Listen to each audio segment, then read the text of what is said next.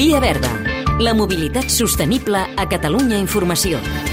Amb Joan Garcia. Avui, un tren que transporta productes agroalimentaris des del port de Tarragona fins a Saragossa i que equival a 35 camions. El Port de Tarragona consolida l'aposta per un transport més sostenible. Aquest setembre ha estrenat una operativa de càrrega de 3.000 tones de productes agroalimentaris amb un tren de 17 vagons que farà la connexió amb Saragossa tres cops per setmana i que traurà milers de camions de les carreteres. Els concessionaris i empreses del Port de Tarragona aposten Josep Maria Cruzet, president del Port de Tarragona. pel transport en ferrocarril, bàsicament perquè aquest és un transport molt més ecològic, amb una menor petjada de, de CO2, és un transport a la vegada més eficient, eh, aquest és un transport amb un menor cost i per tant que fa més competitiu el Port de Tarragona i en definitiva els concessionaris que hi operen en el seu interior.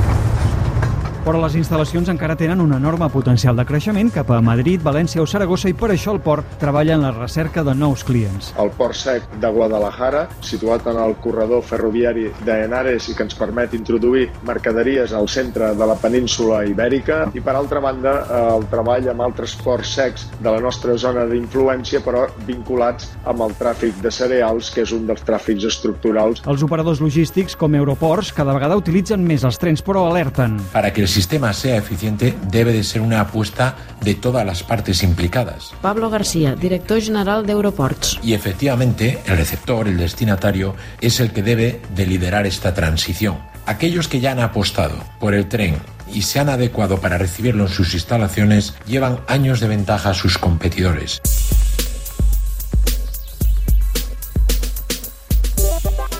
El 2018, a les instal·lacions portuàries es van moure en ferrocarril fins a un milió i mig de tones amb més de 4.000 trens equivalents a més de 120.000 camions. Però el creixement pot ser exponencial si algun dia s'acaba materialitzant la connexió amb ample internacional. representarà clarament un abans i un després. El tràfic del Port de Tarragona, fruit d'aquesta connexió amb l'ample internacional, pot arribar a créixer fins a més enllà del 18%. Per tant, un canvi qualitatiu molt, molt important. El no tener el ancho internacional nos está haciendo perder competitividad frente, por ejemplo, a los puertos del norte de Europa. Los tráficos que entran en el Mediterráneo, bien sea del Medio Oriente o de África, buscan puertos para servir el centro de Europa. Y España, por esta falta de conexión, está actuando como una isla a nivel logístico.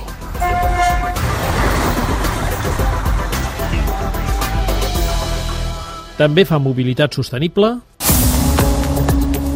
Simalsa, l'empresa de la Generalitat que promou la logística. La plataforma logística del Bages ha rebut la certificació que durant l'any passat l'energia que va consumir va ser produïda totalment per fonts renovables. Endesa. Ha posat en marxa el pont de Suert a l'Alta Ribagorça, el primer punt de recàrrega ràpida situat en una carretera de Catalunya.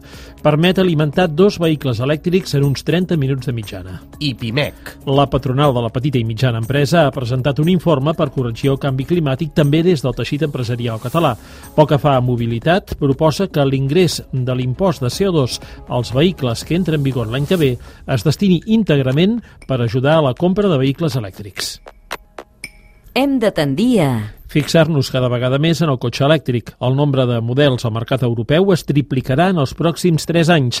Al 2021 els fabricants oferiran 214 models elèctrics davant els 60 que hi havia al 2018. Via Verda, disponible al podcast i a catradio.cat.